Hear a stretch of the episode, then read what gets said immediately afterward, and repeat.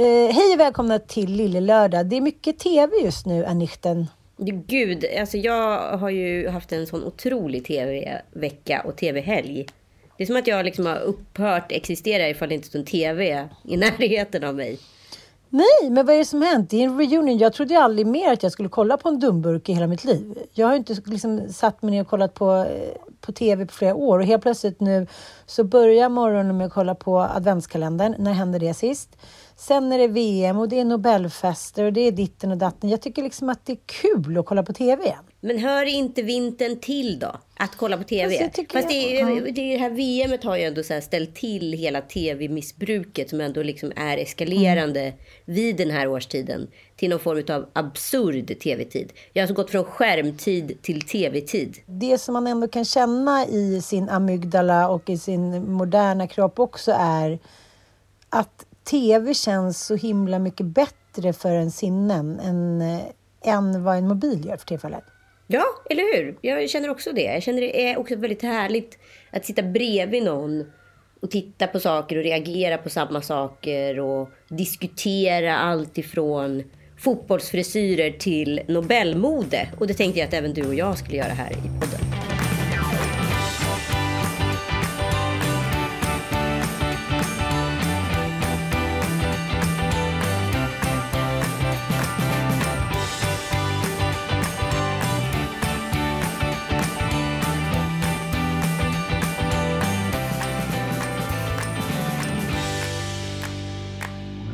Ja, vad är väl en bal på Kungliga slottet? Ja. Alltså Kungliga slottet. Nej, men Nobelfesten, det kändes ju smarrigt i år. Men gud, nu framställde ju programledarna som att liksom, det inte har varit Nobelfest eh, på 63 år. Det har det ju. Två år som det inte var på. Men det kändes liksom extra göttigt och lyxigt på något sätt. Eller hur? Det var, det var äntligen, mm. det var som allt det gamla liksom akademigrollet var liksom sopat mm. under mattan med allas eh, goda samvete. Och alla var så bjussiga också tycker jag, med förberedelser. Det var hår och fluff och kararna var med och skritt och skratt. Och jag tycker alla liksom höll en, en, en bjussig hög nivå. Men vi måste också prata om knugens näsa. Jaha. Alltså denna, denna blåhet. Match. det är hans blåa blod. blåa blod. Nej, men det var ju signifikant. Här kommer knugen och här kommer hans näsa, hand i hand. nu är du elak. Du är elak.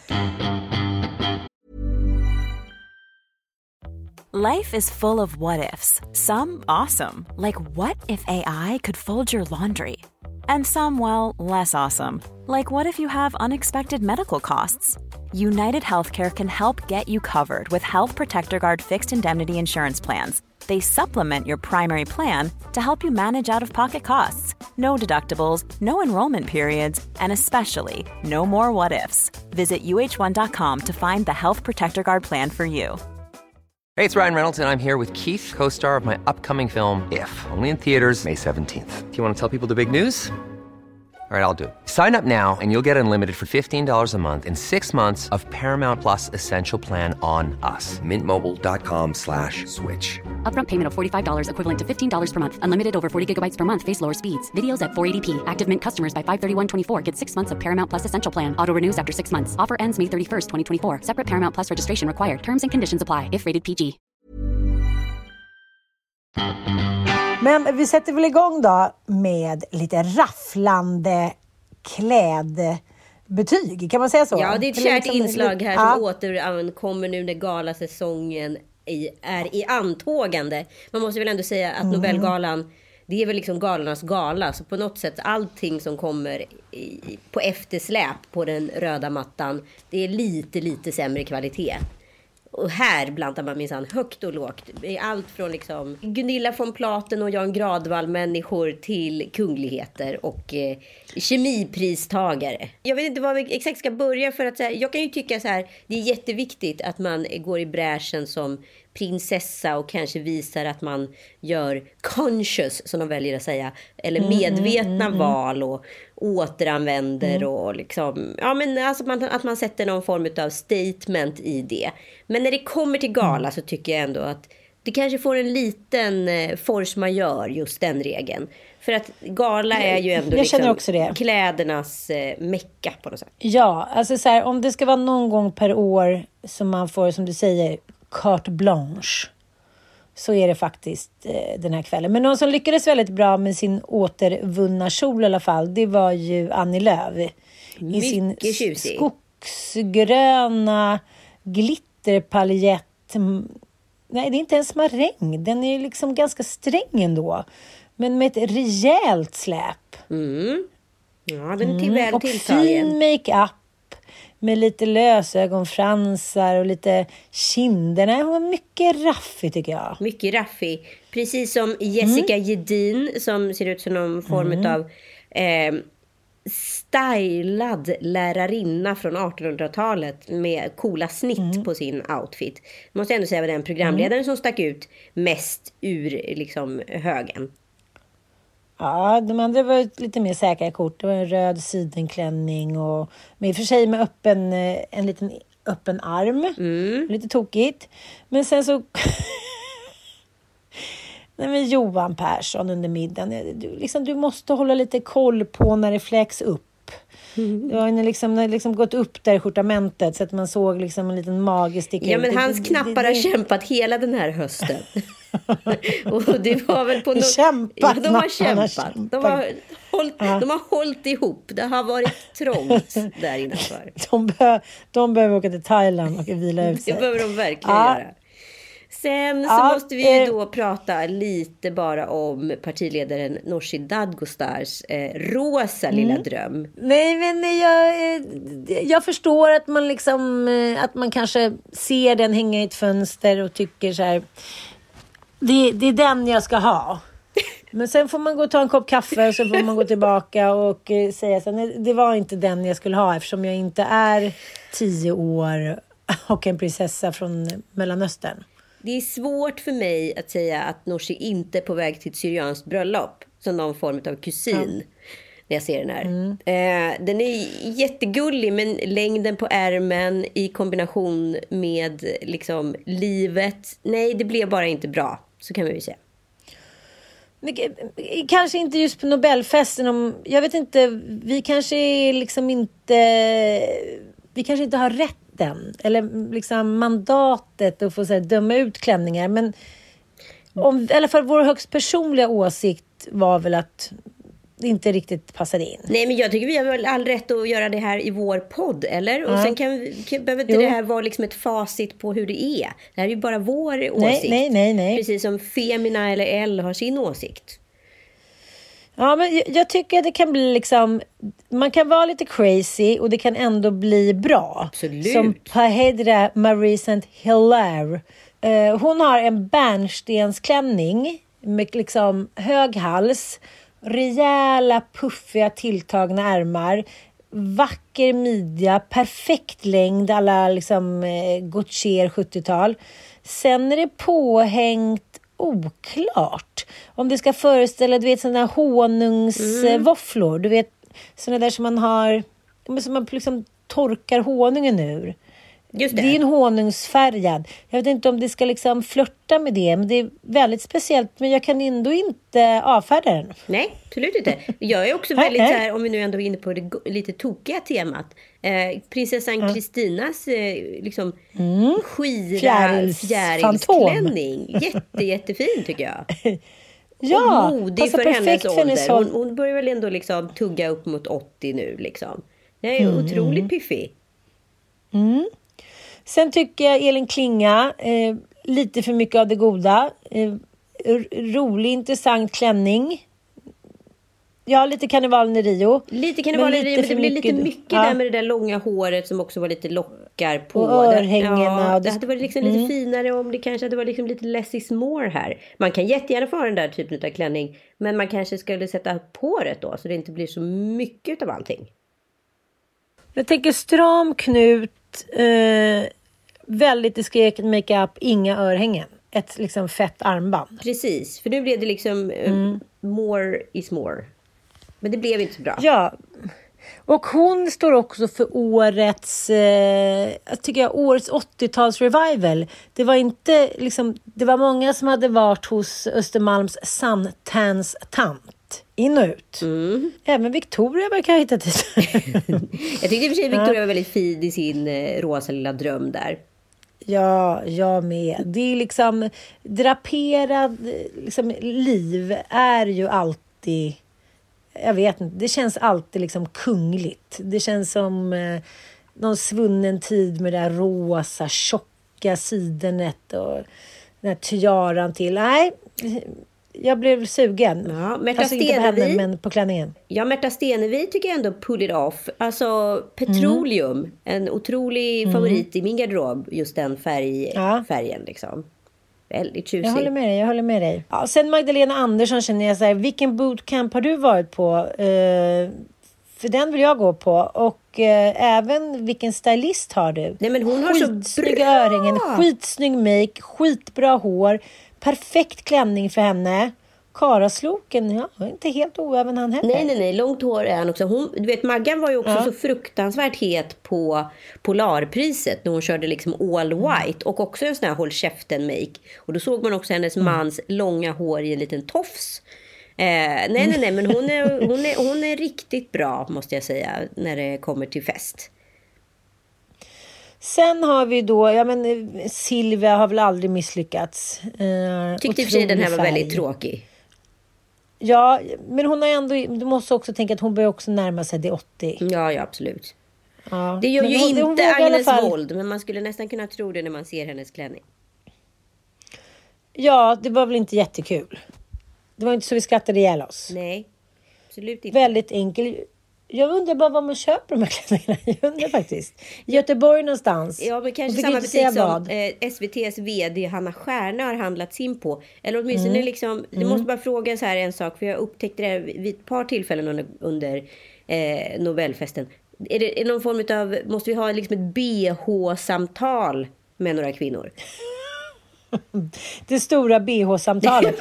nej, men, nej, men jag, det är ändå sensationellt. Jag vet inte. Jag trodde även att prinsessan Sofia hade missat. Men då sa du att det var någon söm precis där. Ja, det, är lite, alltså det där tyget är lite känsligt tror jag. Det är en rätt ofördelaktig ja. söm som måste hamna där eftersom den går upp i halsen liksom och, och ska vara liksom ett, ett jämnt tygstycke liksom fram till. Då måste man sätta den där sömmen någonstans. Om man inte då har pressat ut den så kan den då lite ofördelaktigt se ut som en bröstvårta. Det var ju inte så lyckat. Nej, men hon, liksom, hon, hon delar med alltid två läger samtidigt. Mm, hon har den tendensen. Jo, men det är liksom... Å ena sidan så tycker jag så här, she pull it off. Och nästa liksom, sekund tycker jag så här, varför ska vi gå omkring i Amish-klänningar för tusentals kronor när vi kan när vi borde ha lämnat Amish, Amish-landet för länge sedan. Det blir liksom väldigt... Eh, men lite kyskt liksom. Eh, en väldigt kysk färg, en kysk omlott. Det liksom framhäver ingenting. Nej. Det känns... Nej. Förstår och när man har den där figuren och det där utseendet så kan man, det där kan hon väl ta sen när hon börjar närma sig 80. Det behöver hon väl inte använda sig av nu. Men en som jag måste uppa som kom som en liten underdog här, eh, både på galan och i sin outfit, är väl ändå Gunilla von Platen som lyckats otroligt bra med sin blåsa. Ja, verkligen. Men det där har ju ändå varit återkommande under Nobelfesten. Det här lite, vad ska man säga, fjäll, Mellanöstern, eh, stylish på klänningarna. Man har liksom lite draperat, en liten extra sån, vad ska man säga, tygsjåk. Lite så som det är när man är i Thailand och de bäddar så lägger de någon liten tygsjåk och lägger någon blomma på. Det korrekta modeordet tygsjåk. Mm, mm. Nej, men det återkommer ju eh, hos flera liksom, eh, gäster. Mm. Det där lilla Mellanöstern stylish. Men okej, okay, nu har vi eh, inte mycket tid kvar, men vi måste ju tyvärr ta upp årets svarta modefår. Vem då? Ebba Busch. nu är du ond. Nej, men det var också varit någonting som jag även såg hos Lisa Marklund. Lite så här, vi åkte till High Chaparral och fick med oss en klänning från ut, ut, uthyrningsbåset. Nej, det där svarta, det där svarta salonbandet mm. runt halsen kanske man skulle ha skippat. Ja, men det känns lite över den här utstyrseln att du vet det där uttrycket, man ska ha något lånat, man ska ha något nytt, man ska, alltså vid bröllopet, att det blir inte alltid bra. man ska liksom hålla, man måste hålla stilen lite mer eh, det känns inte så? Ja men det var lite tillbaka till det där som lätt går snett. När man kanske inte mm. har eh, liksom en third opinion på sin outfit. Att man kanske Mm. Man kanske skulle ha skippat den där eh, liksom, spetshistorien om man hade satsat på det här. Det hade nog varit jättefint utan spetsen. Hade man kört på spetshistorien kanske man inte skulle ha det där sammetsbandet i livet. Alltså, det är någonting som är för mycket mm. i outfiten. Jag kan inte sätta fingret på vilken del det är, men det är bara någonting som är för mycket. Vi måste ju också ge eh, fem Lillelördag statyetter till årets Nobel deltagare i litteratur som har en så sjukt snygg svart Chanel-klänning så att man liksom... Nej, men den är så snygg. Men liksom vad det är nu, är svarta ametyster eller stenar på. Helt perfekt för hennes kropp, hennes ålder. Nej, men så här, Coco Chanel ringde och var lycklig. Mm. Mycket, mycket lycklig. Den gamla nazisten. Ja, nej, men... ja även hon kan bli glad ibland. Även tycker jag att professor Evi Heldin var lite flickig där med en liten eh, kjol tillbaka till 80-talet. En liten blå kjol och en liten flickig blus där. Det, det tycker jag också kan funka bra. Du håller med? Mycket svart i år. Ja, mycket svart. Nu tycker jag vi raskt går vidare och släpper Nobelpriset där det bör vara. Precis nere vid Stadsgårdskajen ungefär. Nu ska vi nämligen prata om det stora händelsen för mig den här helgen. Det, det vankades bråk nämligen.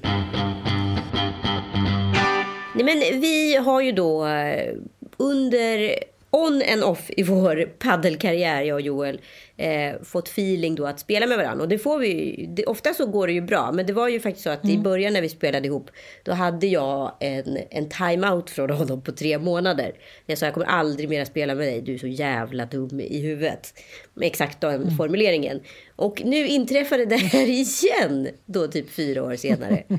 Det trodde jag inte skulle komma. Exakt samma citat eller? Citat? Eh, nej, alltså så här, min sambo är ju i särklass en av de lugnaste personerna jag känner. Förutom när det kommer till mm. just en typ av eh, engagemang. Och det är tävling. All form av tävling får honom att liksom byta personlighet. Och ibland så är ju det mm. bra. Nej, nu ljög jag. Mm. Det är inte alls bra. Det är skitdåligt faktiskt. Eh, mest hela tiden. Men eh, det kan ju vara bra för att tagga till och tända till. Och ja, jag är, är liksom lika rädd för honom som när jag spelar eh, som jag liksom är glad att spela med honom när han eh, säger att jag gör bra saker ifrån mig. Men däremellan är jag extremt rädd för att jag vet att hans lynne under tävling, det är någonting man måste vara aktsam med. Och det vet hela hans familj. Och det här är liksom ett djupt medberoende som har pågått i hela hans liv. Eh, och nu var det nämligen så att vi skulle spela paddel med ett par goda vänner till eh, Joel och mig som heter Hala och Fabian. Och eh, helt plötsligt så kommer då en sån där dag när ingenting funkar. Jag känner att jag inte är liksom i toppform. Jag är inte liksom helt med i matchen. Eh, och eh, lite, du vet, lite smårisig och bara liksom inte mm. känner att man är helt hundra. Och det börjar liksom mm, gå lite dåligt och då gör ju då min sambo någonting som han har en förkärlek för. Det är att drämma bollar hårt i väggen bredvid där jag står. Mm. Nu föll det sig mm. så ut att jag låg han har ju aldrig ambitionen av att slå en boll på mig. Men det är ändå väldigt nära, kan vi säga så? För någon form ja, av markering av ett missnöje. Ja. På ett väldigt penalistiskt mm. sätt. Den här gången kom då en boll i rekyl tillbaka från väggen rakt in i min ja, sida utav kroppen. Så det kändes rätt... Ja. ja det, var, det var rätt förnedrande skulle jag minst sagt säga. Och sen så liksom fortlöpte vi vår otroligt dåliga paddelkvalitet. Och sen har jag märkt att han gör någonting när han... Han tar nämligen de flesta bollar och jag vill ju aldrig springa i vägen för honom för att han tar alla bollar. Och sen så ibland då när han surnar ur på mig, då säger han så här, det där var din boll, säger han då. Och då tappar jag det. Då tappar jag det. Ah. Så då gick jag helt sonika ut från banan. Jag satte på mig mina ytterskor. Och så bad jag om ursäkt för, för avvikandet och sen gick jag.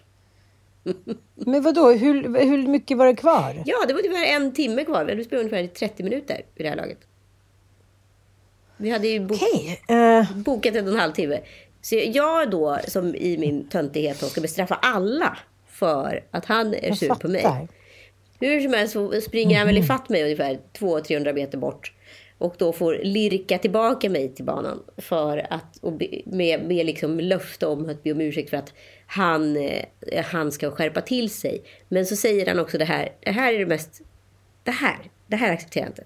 Han säger du vet ju hur jag är.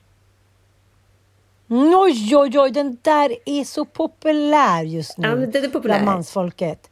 Du vet ju hur han är. Nej men oj! Ja, det är Nej, så men han, bara är. Det är så sån. jag är. Mm. Han bara är sån. Och han har ingen ambition att bättra sig.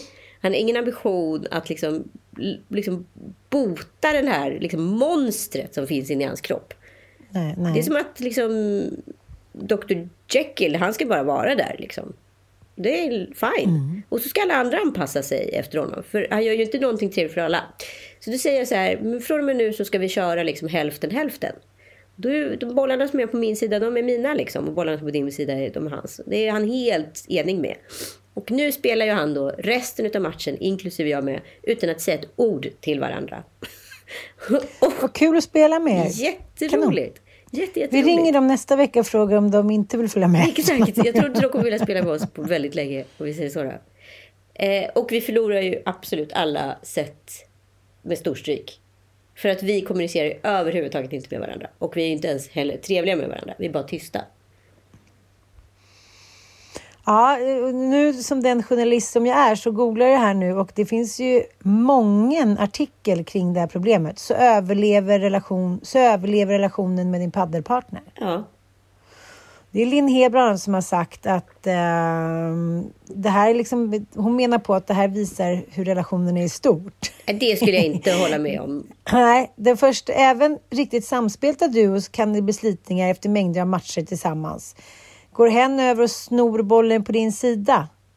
Brukar du störa dig att din partner gör samma misstag, alltid gör samma misstag på banan? Det första ni kan göra är att jobba på kommunikationen. En liten friktion blir ofta flera och sen blir det för mycket som skaver och kommer till slut att gå över en gräns som kan vara svår att reparera. Oj, oj, oj, oj, oj.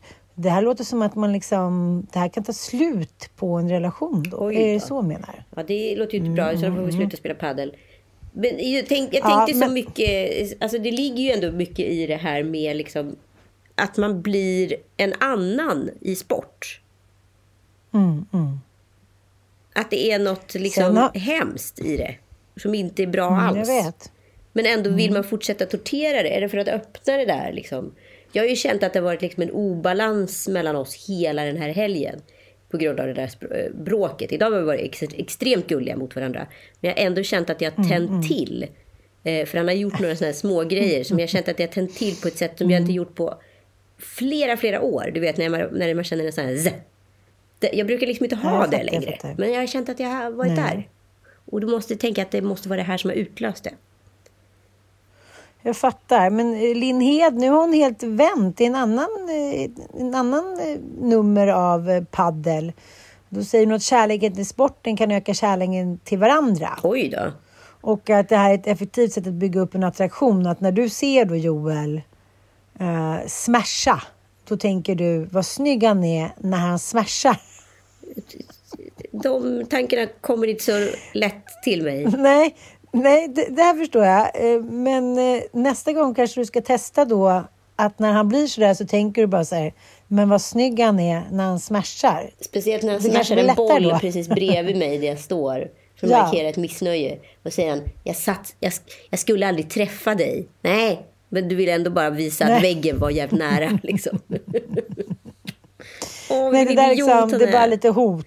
Nej, men alltså grejen är att så det händer ju som du säger, det händer ju någonting med en viss typ av människor, ink mig själv. Nej, men du är ju inte Och, klok i eh, huvudet mot din karl när ni spelar racketsport. Nej, men det är det jag menar. Då ska man ju, liksom, då ska man ju inte spela med sin partner.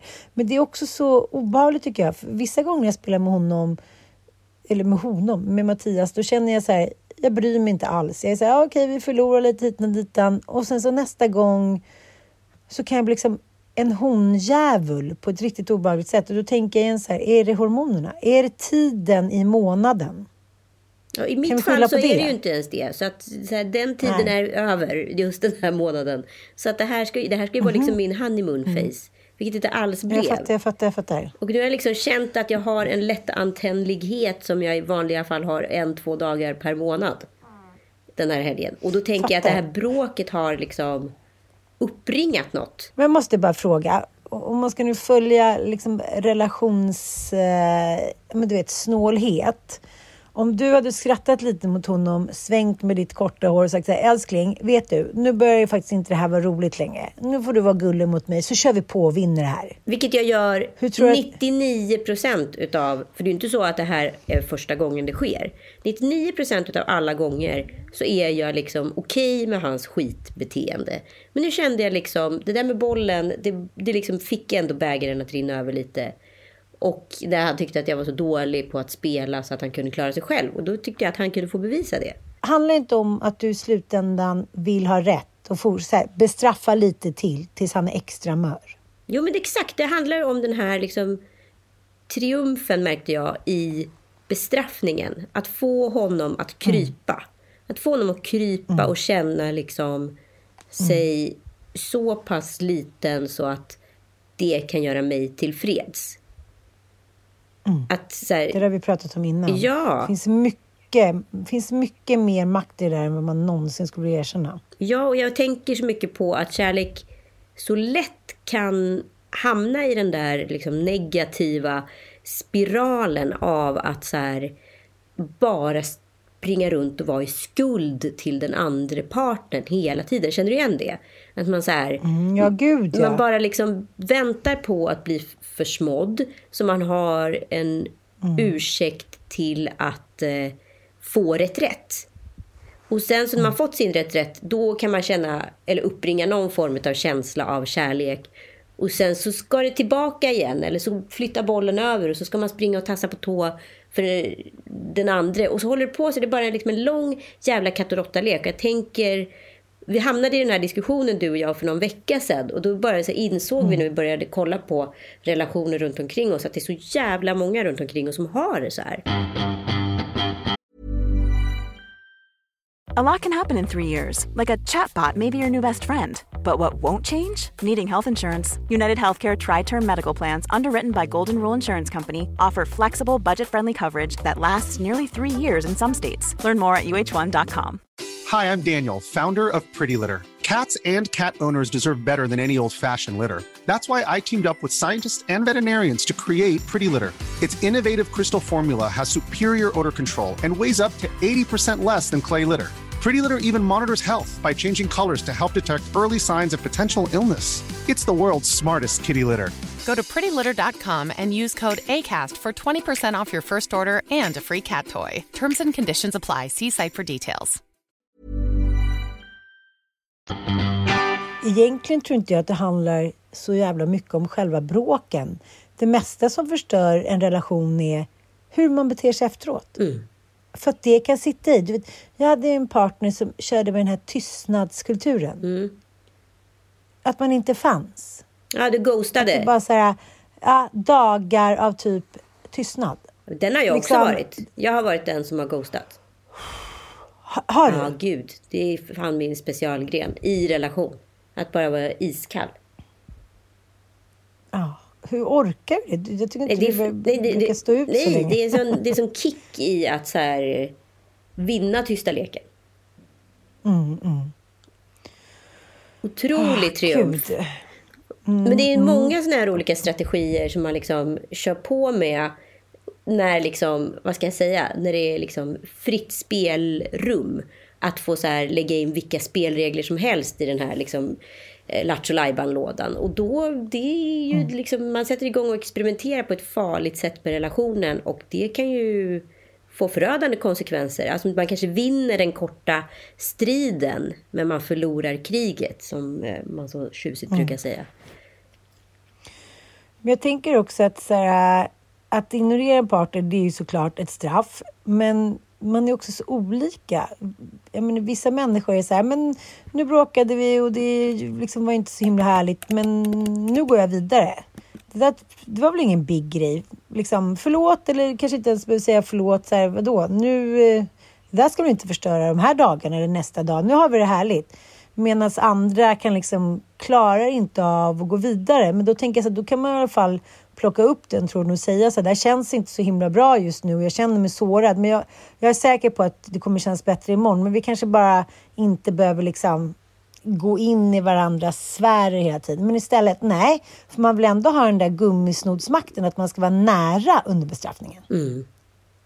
Precis, man ska liksom vara med och bestudera och liksom studera och se på. Och sen så ska man själv vara den också som så här, nu är du godkänd, du klarade testet. Mm, mm. Ja, det är riktigt hemskt. Jag undrar hur mm. Meghan och Harry klarade sina utmaningar i relation och med familj när det stormade ordentligt på slottet. It's really hard to look back on it now and go, what on earth happened? You hear that? That is the sound of hearts breaking all around the world. She's becoming a royal rock star. And then everything changed. There's a hierarchy of the family. You know, there's leaking, but there's also planting of stories. There was a war against Meghan to suit other people's agendas.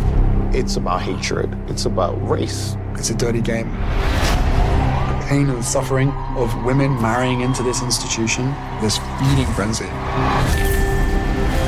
I realized they're never going to protect you. I was terrified. I didn't want history to repeat itself.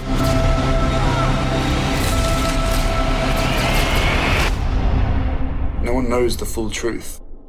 We know the full truth. Vi pratar ju såklart om Netflix-dokumentären som har släppts just nu i alla fall i tre avsnitt och det finns väl betydligt fler om Meghan och Harry. Eh, och, eh, Sex. Ja, vi, eh, håller på, vi ska väl diskutera egentligen vad vi känner inför den här dokumentären. För den väcker ju känslor. Men om, om man ska titta tillbaka lite då. Det är tre år sedan eh, de tog sitt pick och pack eh, och flyttade till eh, California. Yeah. Mm. Och i de tre första avsnitten så handlar det mycket om eh, att Harry då berättar om liksom hur hemskt det var och hur vidrigt det var mediebevakning kring dem.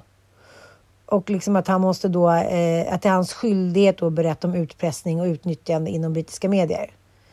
Precis. Och säger att ingen vet vad som sker bakom stängda dörrar. Men det är så roligt för att de bilderna som då visas och ska liksom visa hur, eh, hur de blir förföljda. De är ju tagna ur helt andra situationer. Mm, exakt. Det var något som jag ah. också reagerade på. Mm, mm. De, vill ju, alltså de vill ju skapa henne till någon form av modern Diana. Det är väl Oprahs ah. produktionsbolag ah. som står bakom det här. Och de befäster ju rätt tidigt i serien vad vi ska känna inför Meghan. Där Harry liksom säger att eh, hon lämnade allt för mig. Men, jag, slut, mm. men det slutade med att jag lämnade allt för henne.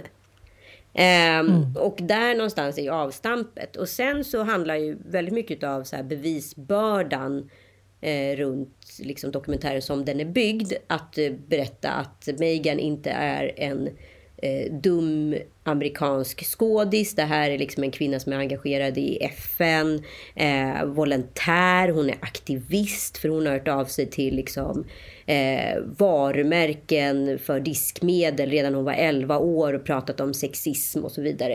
Eh, det, här är en, det här är en tjej som är woke liksom från födseln och hon är också van att se rasism på nära håll utan att vara utsatt för det i person själv för att hennes mamma då är afroamerikanska.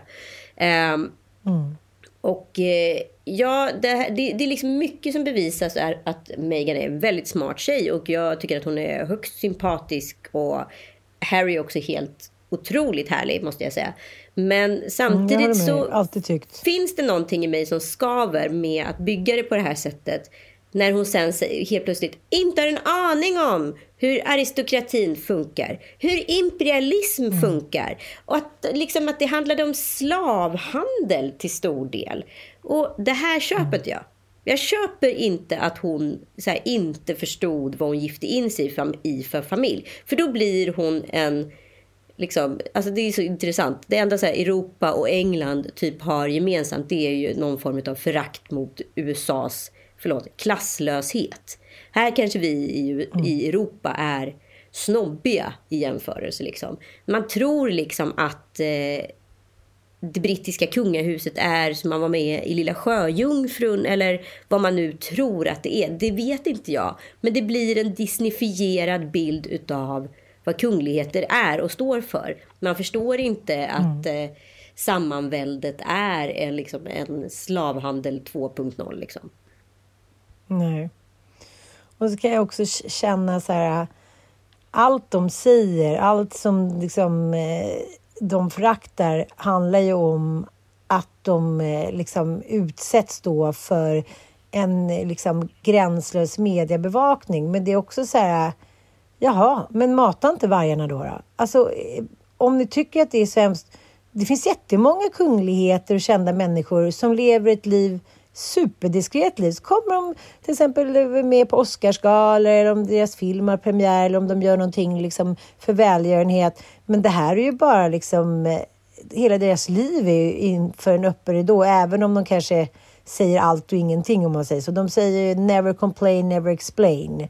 I den där brittiska liksom kungafamiljens honnörscitat. Typ. Mm. Och det är väl lite så tycker jag med de här, i alla fall de tre första delarna ja, det är inte så här jätteuppseendeväckande. Alltså, det var ju inte jätteroligt tyckte jag. Nej, men alltså, det är jättebra tycker jag att de har bjudit in. Alltså, han var ju tvungen att förklara liksom hela, vad ska jag säga, nazist eh, utklädningsoutfiten och alltså de får ju ändå upp massa mm. grejer så, till ytan som är så här, det, det var, hade varit oundvikligt att göra en granskande dokumentär eller liksom ha dem som avsändare utan att ta upp det. Och sen så har de ju ändå mm. tagit in massa experter som pratar om liksom hela liksom imperialismen utifrån, urifrån ett rasperspektiv, vilket såklart är mm. påverkande. Liksom. Eh, och jag förstår att det är en superprekär situation. Samtidigt om vi drar liksom blickarna till vårt svenska kungahus där eh, prins Carl Philip och eh, Sofia eh, liksom och, ja, blev det rätt kölhalad, eller hon i alla fall, i media väldigt fort. De gjorde någon form av eh, officiellt statement. Men efter bröllopet så avtog allt det där och man liksom la locket på. Till skillnad från Meghan och Harry mm. så har ju inte de lagt locket på utan liksom bara fortsatt. Det jag kan tycka så här, ja. gifter man in sig i brittiska kungahuset då måste man veta vad man gifter in sig i. Man kan liksom inte gifta in sig där och bara säga shit nu ska jag liksom vara aktivist och göra revolt och så här. Nu ska jag ri, ri, riva ner den här skitkulissen. Det är väl jättebra att saker och ting blottläggs med det sagt. Men man, man får inte vara så jävla naiv och blåögd och tro att det så här sker över en natt liksom. Men jag tänker också, han vill hela tiden återkomma till att jämföra Meghan med prinsessan Diana. Ja, men det känns ju mer som att de, det är ett grepp från liksom, Oprahs produktionsteam. För det är så de ska liksom vinna jo, folket.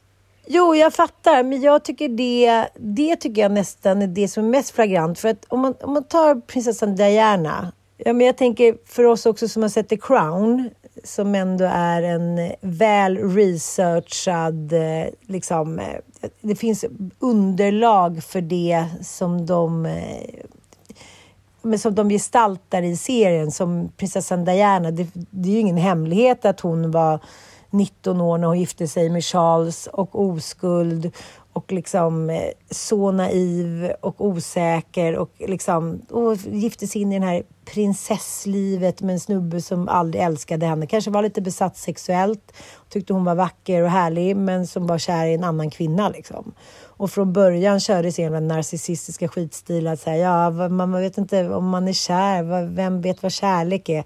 Bara det är ju så här, att säga så inför sin blivande brud, inför en hel värld är ju liksom men jag tycker jag så vidrigt och liksom... Ja men det är ju så verklighetsfrånvänt. Ja. Men bara det säger ju allting ja. om så här aristokratin. Ja men han ville ja. vara trogen Camilla då. Som också så här hela tiden var otrogen mot sin ja, man. Som helt satt och tittade. Med, ja. med honom liksom. Mm, nej. Men jag vet. Men det som tycker jag som är både att liksom vad ska man säga, solka ner Dianas, vadå, minnet av Diana är att att det ska framstå som, precis som du säger, att Meghan är helt chockad över det som hände. För det så är inte brittiska liksom, tabloider och brittiska medier, de är inte lika vidriga som de var under Dianas tid. Dels för det som hände med, vad heter den, News of the World, som hade då under så många år hem, i hemlighet avlyssnat jävla massa kändisar. Ja, de fick liksom gud. lägga ner. Även en tidning som jag har Nej, men jobbat för.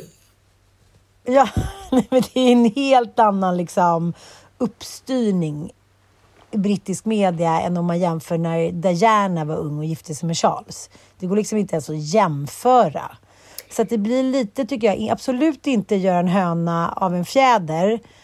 Men eh, det finns ändå ett, liksom ett tydligt, tycker jag, så här, tydligt sätt man ser hur de vinklar åt det hållet. Förstår du? Ja men alltså det är ju ett, det är en amerikansk avsändare. Det är väldigt tydligt. Hade den här dokumentären gjorts i England så hade liksom det sett lite annorlunda ut. Det här är den, det amerikanska perspektivet på den brittiska adeln. Liksom. Och det är många, alltså anledningen varför många av de här blåblodiga människorna fortsätter vara blåblodiga och välja varandra. Det är ju för att det blir enkelt för alla. Alla kan spelreglerna. Det är ingen som behöver få liksom spelreglerna upplästa för sig och behöver ens acceptera dem. För att så här ser det ut på Eton och alla internatskolorna. Vi bara vet det från liksom fingertopparna. Alltså, så är det. Och sen är det inte så mycket mer med det. Men det här lite så här. Jag kom som en tokig aktivist amerikanska in i det här och bara kände wow, det här är så snett på. Det, det är inte något annat än supervoke. Sen har jag ju rätt i sak att det är skitknäppt och helt jävla fucking råäckligt med hela det här utsugeriet och användandet utav människor generationer efter generationer och fortfarande indirekt tjäna skatt på dem. Det är ju liksom, Commonwealth är ju bara liksom någon form utav sambandscentral eller liksom centralisering utav någonting som har pågått i århundraden utav skit. Ja, jag vet. Men det är som du säger, det, hon är en väldigt smart tjej och kvinna. Så att, eh, ja, jag, jag vet inte, men det vet man själv när man har varit väldigt förälskad. Man blir ju naiv såklart, men det måste ju också ha funnits människor runt omkring henne som har kunnat liksom berätta hur det skulle bli och även Harry tänker jag. Så här, om du ger dig in i det här så kommer du få vara beredd på ditten och datten. Ja, och eh, jag tänker att så här, det blir liksom en konstig så här, självuppfyllande grej i deras liv att så mycket drivs helt plötsligt utav att få säga vad de vill. Men de puttar liksom sig själva liksom längre och längre bort från eh, kronan, kanske självvalt. Samtidigt så är de ju i behov utav det, för utan den glansen från kronan så är de absolut ointressanta. Ja, så att det blir liksom någon form av... Eh, jag tycker det känns som att det blir väldigt narcissistisk framtoning. Ja, men de får ju låta som att hon då, alltså, att hon då förändrat liksom synen på ras för hela världen. Men så är det ju absolut inte. Det ska bli spännande att se de nästkommande tre avsnitten och se om det blir lite mer eh, eld på slottet. Ja, alltså jag har svårt att se att så här, vägen tillbaka till Kensington Palace eh, kommer vara smärtfri. Så kan vi väl säga. Du, eh, det är en, en, en liten känsla som gnager i mig eh, senaste veckorna. Jaså? Och det handlar om, ja, eh, det handlar om en, liksom, ska man säga, en inställning på internetet som jag kände lite så här, nej men är det verkligen så här? Eh, och det handlar om julstressen. Ja, alltså... Det, ja, det är så många reels och det är så många inlägg som handlar om hur vi ska göra nu för att inte gå under av den här pressen inför julen. Och jag bara sitter där som en så här trollemor på hasch typ och bara så här, nej, jag har bara lite godis och en skinkasluring. Jag känner ingen press. Och så tänker jag så här, lever jag i förnekelse eller aldrig känns lättare att fira jul? Jag känner ingen press överhuvudtaget. Så här, nu har vi wobblat med corona och vi har wobblat med hit och dit. Det finns väl ingenting som kan slå det, tänker jag. Men alltså, det är ju ändå en krigsvinter och det känns ändå som en walk in the park mm. jämfört med de senaste två åren. Mm. Vi kan köpa alla julklappar online, det kommer, kan levereras till mm. dörren. Eh, vi behöver inte ens beställa, mm. fixa skinkan själv, det är bara att gå ner till liksom ICA som har dem färdiggriljerade. Alltså så här, jul mm. har aldrig varit enklare någonsin tror jag. Alltså det känns Nej. ju sjukt typ 2009 och liksom gnälla över julstress. För att eh, mm. livet är ju otroligt lätt i jämförelse med, med hur det har varit historiskt. Liksom. Jag googlar lite och får liksom hundratals artiklar. Och det, rubriken är Blir du yr av julstressen? Oj. Kanske blir yr av att dricka lite glögg men inte just av själva stressen. Eh, och det är så här, tips för att minska din julstress. Säg nej. Granen kläs Instagramvänligt. Det ska griljeras till perfektion. Julosten ska ystas. Man bara säger, men Mamsel Modig ringde och undrade om ni hade fastnat liksom 1600-talet. på typ Örkelljunga gård jag fattar ingenting. Psykologens bästa tips. Undvik stress, familjegräl och känsla av otillräcklighet. Ja, familjegräl, det kanske kan dyka upp då. Men... Ja, det har uppenbarligen redan gjort det för mig och Joel. Ja. så tar du kontroll över julstressen. Det enda då som jag tycker faktiskt har varit riktigt bra, det är från eh, eh Lunds universitet. Mm -hmm. Och det är psykologiforskaren Per Jonsson. Han är expert på självomhändertagande. Okay. Han har gett några tips 2017 som jag tyckte var riktigt bra. Berätta för oss lärjungar i podden. Det ska, jag, det ska jag göra. Barnprioritera. Det viktigaste för barnen är att de, deras föräldrar är på gott humör. Om du är pressad, stryk bakåt av pepparkakshus, ljusstädning och andra aktiviteter som man faktiskt inte måste göra inför jul. Barnprioritera bäst jag hört. Gud så bra det låter. Städa inte skrivbordet på jobbet för att det blir jul. Fokusera bara på det som verkligen måste bli klart. Ing, liksom, det tyckte jag också var bra. vet, att man, nu ska det vara fint överallt. Mm. Viktigt att de vuxna möts i ansvarskänslan, att båda två har ett helhetsgrepp kring julen. Det finns en forskning som visar att kvinnor blir stressade för att de oftast är de som står för överblicken. Här, I det här ligger någonting. Mm, det ligger det. Mm. Överblicken. Vi glömmer oftast bort överblicken. Vi tänker så här, ja men kvinnor tycker det är lite roligt och det här med paketen och pyssla och fixa ordning. Men allting handlar om att vuxna möts i ansvarskänslan. Ja. Det var det bästa jag hört. Mycket, mycket bra. Tycker inte du att det mycket, var bra skrivet? Bra. Förstår inte du vad han menar? Absolut. Diskutera vad ni prioriterar. Ja. Imagine the softest sheets you've ever felt. Now imagine them getting even softer over time. That's what you'll feel with Bowl and Branch's organic cotton sheets. In a recent customer survey, 96% replied that Bowl and Branch sheets get softer with every wash. Start getting your best night's sleep in these sheets that get softer and softer for years to come. Try their sheets with a 30-night guarantee. Plus, get 15% off your first order at bowlandbranch.com. Code BUTTERY. Exclusions apply. See site for details. Planning for your next trip? Elevate your travel style with Quince. Quince has all the jet setting essentials you'll want for your next getaway, like European linen, premium luggage options, buttery soft Italian leather bags, and so much more.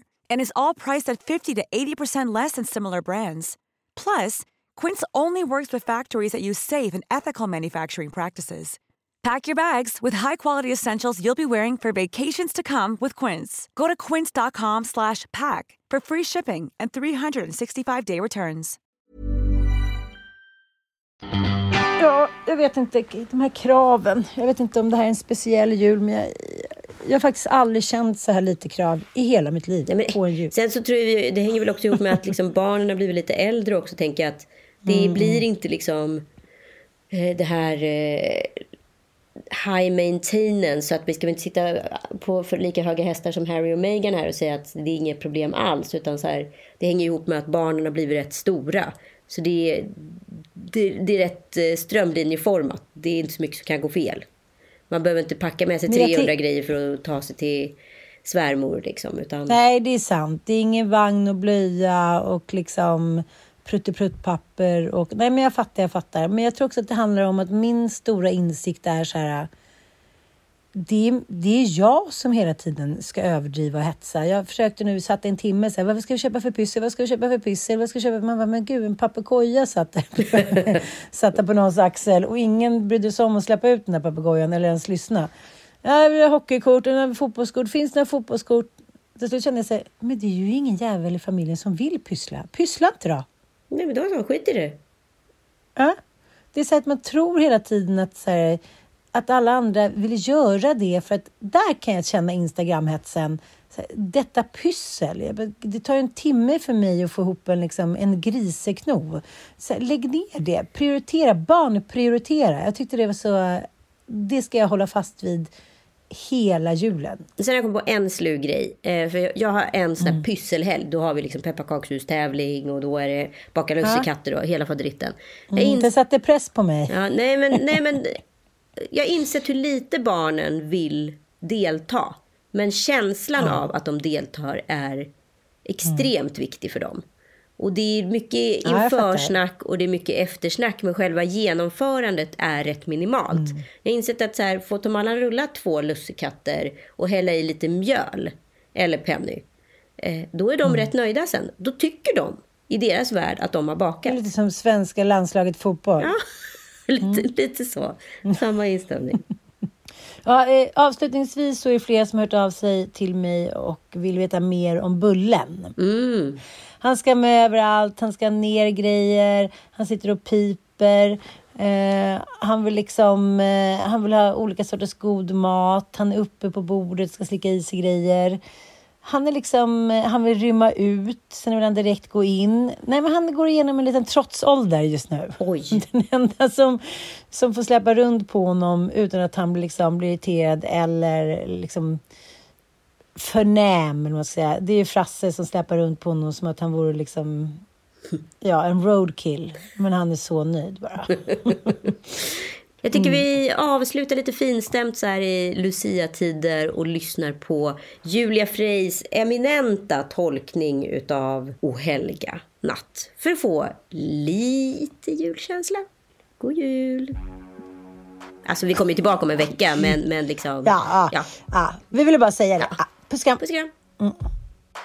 Och helga natt och för världen då gudamänniskan till jorden steg ner. För att försona världens brott och synder för oss han dödens smäll